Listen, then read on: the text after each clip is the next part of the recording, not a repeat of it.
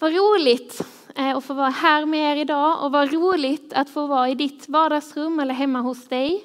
Eh, en jätteförmån att få fira gudstjänst tillsammans med er, att få dela ordet med er. Så tack för det. Ska vi be tillsammans? Jesus, vi tackar dig för att du är den du är. Att du är densamme igår, idag, i all evighet. Och vi tackar dig för, för din närvaro här och på varje plats där denna gudstjänst firas. Välkommen heligande och levande gör dig själv, eh, Jesus. Välkommen ehm, att att levandegöra ditt ord den här stunden. Mm. Vi vill förstå dig lite till eh, och vi vill lära känna dig lite bättre. Amen. Jag heter som sagt eh, Isa Jönsson, bor till vardags i Helsingborg eh, med Simon. Eh, och jag är mamma till en 21 veckor gammal bebis.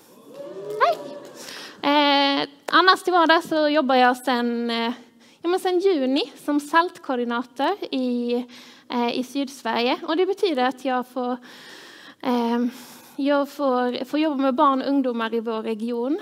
Eh, jag har senaste veckan fått ha en väldigt härlig fika med er ungdomsledare Anne.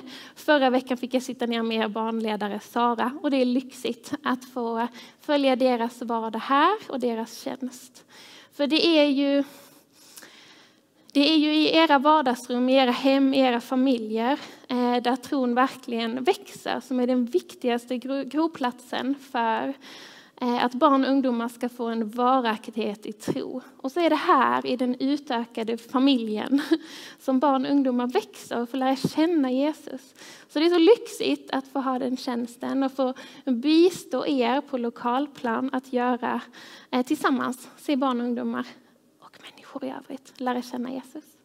Som komplement till det ni gör då på lokalplan så gör vi bland annat eh, läger. Och jag fick ha mitt eh, första i tjänsten nu i början på augusti eh, på EFS-gården i Åsjunga. Vi hade drygt 30 livliga barn eh, där och drygt 20 på Light, den lite äldre gruppen. Så vi hade två aktiva dagar dagtid och vi hade två nätter aktiva av att natta och trösta Det var väldigt lärorikt, verkligen. Efter, jag ska börja med att dela ett vittnesbörd som hände precis efter det, för då har jag haft två, mina två mest intensiva jobbdagar hittills i tjänsten. Eh, och jag och Simon vi skulle hem på middag till några grannar. Eh, och de var liksom införstådda med läget, hon har varit på barnläger, hon är trött, det kan bli en tidig kväll. Mm. Eh, så vi sitter ner, vi äter gott, vi skrattar mycket och vi, Eh, ja, det är trevligt liksom. Och så är jag ganska beredd att ja, men om tio minuter, en kvart, då går jag hem och sover. Skönt! Och då börjar, då börjar mamman i, i familjen så här, ja men ni, ni kanske inte vill prata mer om tro, men... Och inom mig så bara, nej det vill jag inte, det orkar jag inte. Och så bara, åh, jag vill vilja det här, jag vill svara ja på din fråga. Och så har man en liten, en liten konflikt i sitt, i sitt huvud. Eh, och jag, det, det, är bara någon sekund. Eh, och det jag hinner göra är väl så här, jag nickar lite försiktigt. Hon bara, ah, bra. Och så börjar hon berätta. Och jag tänker, åh nej. Men det hon delar är, och det är också bara ett tecken på den, den frihet som Jesus vill låta våra grannar och vänner se utan att jag är pigg, har energi eller är speciellt delaktig. Eh, och då delar hon hur hon har, hon har bistått en äldre släkting i våras i coronatider eh, som är i riskgrupp eh, och på grund av sjukdom och på grund av ålder eh, har hon inte släktingen fått träffa så mycket folk. Och släktingen har en en pojkvän uppe i norra Sverige och de har inte fått ses alls under hela våren. Hon bara, jag kör min släkting norrut så att de kanske får träffa varandra. För man vet ju inte hur många gånger i livet till de får ses. Så hon så här, eh, överväger detta, men kör med släktingen i hela Sverige. Skjutsar runt dem, låter dem få ha trevliga dagar och kör hem. Men efteråt så slås hon av en jätteångest. Eh, hon bara, tänk, tänk så är det jag som är skyldig att de blir sjuka. Tänk, här har jag rest över hela Sverige när vi inte ens ska resa utanför landskap. Tycker det är jättejobbigt och fastnar i en, i en ångest i det. Eh, kan inte ha svårt att sova och har, till slut så ligger hon vaken en natt och så kommer hon över en liten lektyr i sin pappershög hon inte än har sorterat. Eh, och det är ett påsknummer från en församling. Eh, och där får hon läsa de orden som Jesus säger eh, på korset. Min Gud, min Gud, varför har du övergivit mig? Och där hinner jag i min analytiska tanke, Jesus det var dumma ord till att säga någon som är i ångest, att du måste säga något hoppfullt, du måste säga att du är närvarande. hinner jag ju vara smart och tänka. Men nej, det är precis vad hon behöver höra. Och när hon får se hos något gudomligt att ah, han kan också känna ångest, han kan också känna ensamhet eh, och saknad. Då blir hon tagen av Gud. Något gudomligt uttrycker hon sig. Eh, och i det så upplever hon också att ångesten lättar den natten. Det var en litet tecken på att Herren längtar efter att ge oss frihet, att ge mänskligheten frihet. Eh, på så många andra sätt än du och jag kan tänka och förklara. Och vi hade ett eh, ett bra samtal efteråt, liksom vidare om, om vem Jesus är och vad som hände där. Och jag ser fram emot att fortsatt lära känna henne och ha andliga samtal med henne.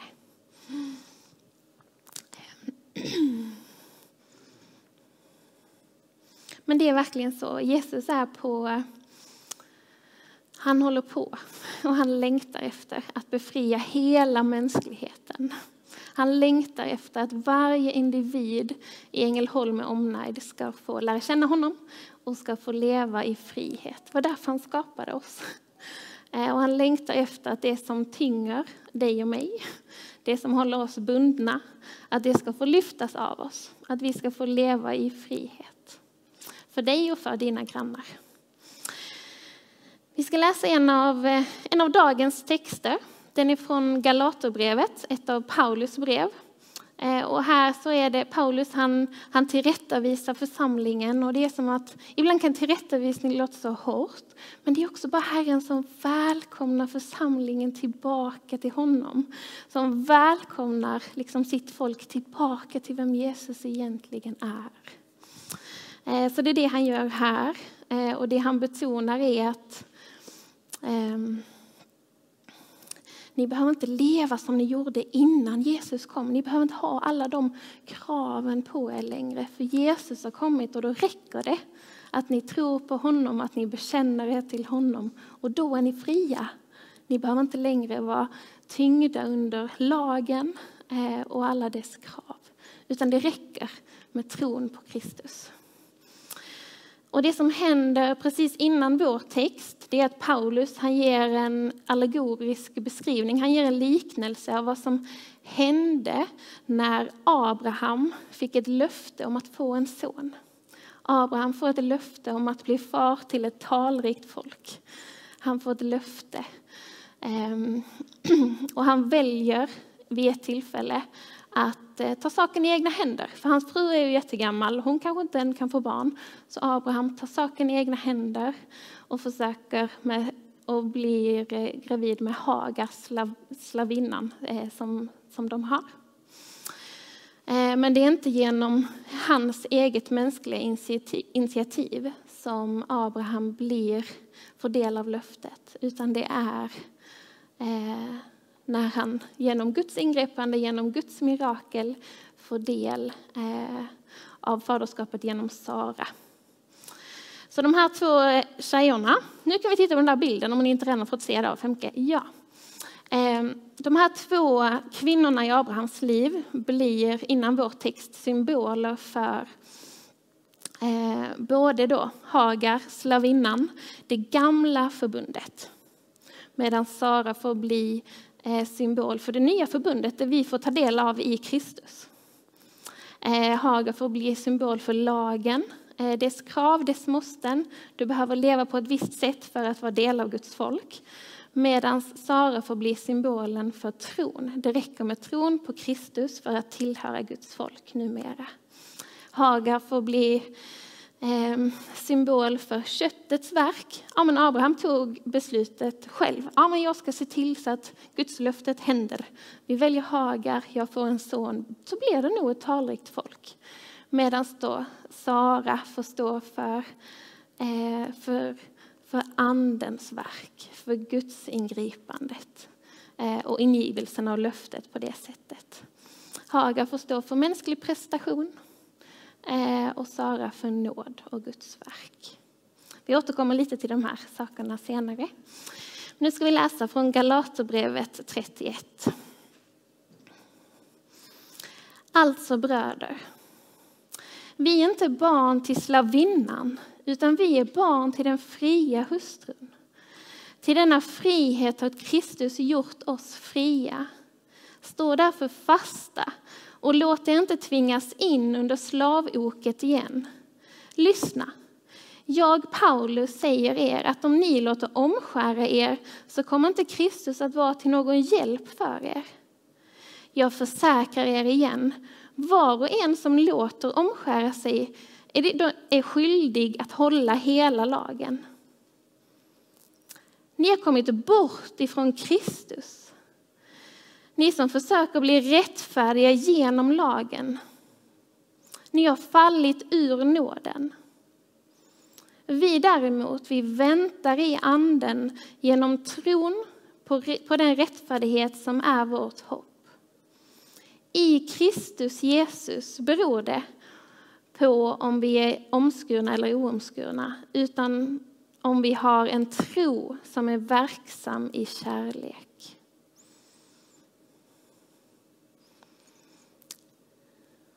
Till denna frihet har Kristus gjort oss fria, betonar Paulus.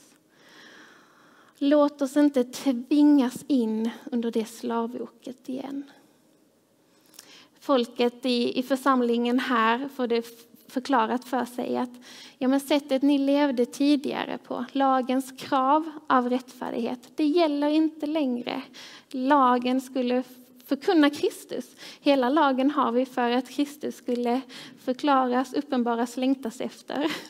Eh, men samma regler gäller inte längre. Det är att tro på Jesus som är det som, som leder till räddning. Och precis som eh, Abraham försökte ta saken i egna händer, i mänsklig vishet ta beslut, eh, se till att löftet skulle, skulle hända Eh, så tänker jag också att det för dig och mig idag är ganska vanligt att göra så. Ehm, vi har upplevt kanske en, en hälsning från Herren gällande Ängelholm med omnejd, vad han ska göra här, vad han ska göra i, i ditt hem eller i din familj eller på din arbetsplats. Ehm, och det är klart att vi ska ha det som riktning för vårt liv och våra beslut. Men även i den stunden lita på Herren och hans ledning i det och inte bara ta saken i egna händer. För då behöver vi ju inte Herren. Då behöver vi inte hans liv och hans ledning. Om ni låter er omskäras, om ni fortfarande håller de gamla reglerna, då behöver ni ju inte Kristus. Alltså om vi följer, om vi låter vissa praktiker vara det som, det som är, eh, utgör oss för att vara kristna, då behöver vi inte Kristus och hans kors. Och Paulus säger längre ner i samma kapitel att omskuren eller ej, det spelar ingen roll. Det som spelar, spelar roll är den nya skapelsen. Att du och jag, att människor får hitta vem Jesus är, får bekänna sig till honom, får bli en ny skapelse och får förbli i relation med honom.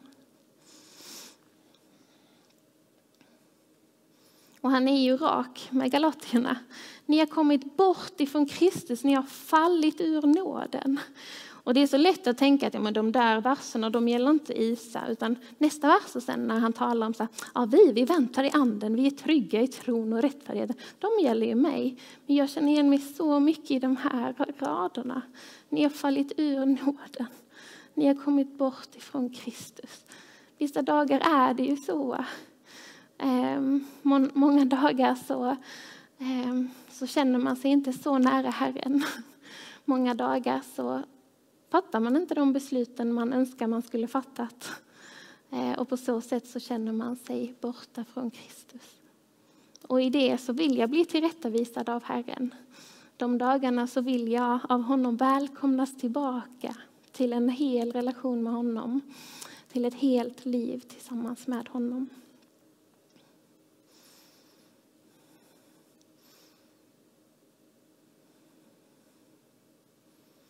För det är bara, det är bara Jesu kors som håller mig levande. Det är bara Jesu kors som gör dig och mig rättfärdiga. Jag kan inte göra det själv, tack och lov. Ehm, det är bara Kristi kors som gör mig verkligt fri. Så de två sista verserna i texten. Vi däremot väntar i anden genom tron på den rättfärdighet som är vårt hopp. I Kristus Jesus beror det inte på om vi är omskurna eller oomskurna utan om vi har en tro som är verksam i kärlek. Ehm, anden är alltid ett centralt tema i Paulus brev, ofta i de här formuleringarna. Ehm, och först och främst så är anden en, en tydlig del av treenigheten när han beskriver anden. Eh, och om de omnämns oftast tillsammans av Paulus, till exempel i Andra Korint 13. Nåd från vår Herre Jesus Kristus, kärlek från Gud och gemenskap från den helige Ande åt er alla. Som en del av, eh, av gudomen så blir anden väldigt personlig för Paulus eh, och avgörande i efterföljelsen. För det är anden som möjliggör eh, att Jesus Kristus kan bo i de som tror. Det är anden som möjliggör eh, och markerar Guds närvaro när vi samlas här och när ni samlas där ni är. Ehm, och just de här fraserna som det är i vår text, att i anden vänta eller att efter anden vänta, är väldigt vanligt eh, hos honom. Och att vänta i anden genom tron. För för honom blir det tydligt att det är anden som ger eh, kraft för det vardagslärjungaskap som du och jag är kallade till. Ehm, och det möjliggör att vi, kan, att vi inte längre kan leva som i lagen. Att vi är fokuserade på oss själva och på massa måsten som vi behöver eftersträva. Utan anden påminner oss eh, om att vi är kallade att leva för för Herren och för andra människor och frigör oss till det. Paulus menar att köttet, lidelser och begär är på ett sätt redan hanterat i hans kors. Eh, du och jag är inte fria från att beröras av det, eh, men det är redan fixat på korset. Eh, och anden ger oss hjälp att leva efter honom att fortsatt bestämma sig. Ja, jag vill följa dig Jesus för du har gjort allt. Vi kan ta den gamla, eh, komma tillbaka till Hagar och Sara-bilden igen. Och här är också bara en inbjudan till till dig och mig idag. Jag vet inte hur slavoket som Paulus uttrycker sig i dagens text, hur det ofta syns i ditt liv eller vad du ofta känner dig slav under eller bunden under. Det kan vara jättemånga saker. Det kan vara ångest som för min granne. Det kan vara att en, eh, ett prestationskrav. Det kan vara ett slav under måsten. Jag måste göra det här och det här och det här för att leva som kristen. Eh, I mitt, i mitt arbetslag, då är det här kulturen, då måste, måste, måste jag det. Jag vet inte vad du lever under för ok. Eh, men det jag verkar veta är att Herren längtar efter att befria dig och mig från det. Att han inte har designat oss för att leva som slav under saker, utan att han har dött och uppstått för att du och jag ska få leva i frihet. Det verkar han vara tydlig med. Så vi ska ta en stund och, eh, och be för det. Att låta Anden uppenbara om det är något speciellt som han vill lyfta av från din, dina axlar idag. Något som han vill befria från dig. Och det är ingen magi, det är bara en, en Herre som längtar efter att befria. Och en ande som du redan har, om du har bekänt att Jesus har låtit välkomna in i ditt liv. Och han längtar efter att välkomna dig tillbaka till en hel tro Eh, och till en hel vardag med honom. Eh, så välkommen och be med mig.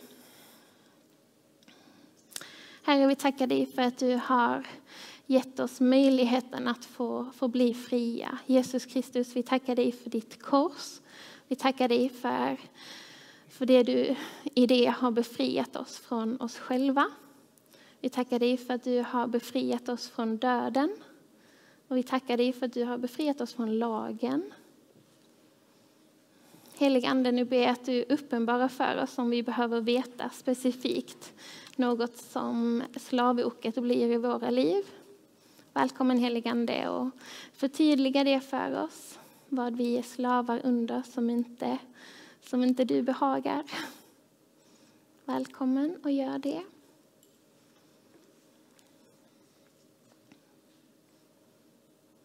Och känner du att Herren påminner dig om någonting så viska det till honom och erkänn att ah, men jag, är ju, jag är ju fast i det här, hjälp mig bli fri från det. Så älskar han att, eh, att lyfta det av från dig och från ditt liv. Ja, Jesus, jag tackar dig för att du vill befria oss från de nämnda eller tänkta saker vi, vi här har påminns om. Vi vill erkänna dem för dig och vi vill ge dem till dig. Vi gör det nu. Så vill jag läsa en rad från Matteus evangeliet 30. Mm, ta på er mitt ok, säger Jesus, och lär av mig. För jag är mild och jag är ödmjuk i hjärtat. Då ska ni finna ro för era själar. För mitt ok är milt och min börda är lätt. Jesus, vi vill byta ut det slavok vi har befunnit oss under mot ditt ok. Vi vill erkänna dig som Herre eh, och ta på oss ditt ok, Jesus. Vi ber om det i Jesu Kristi namn. Amen.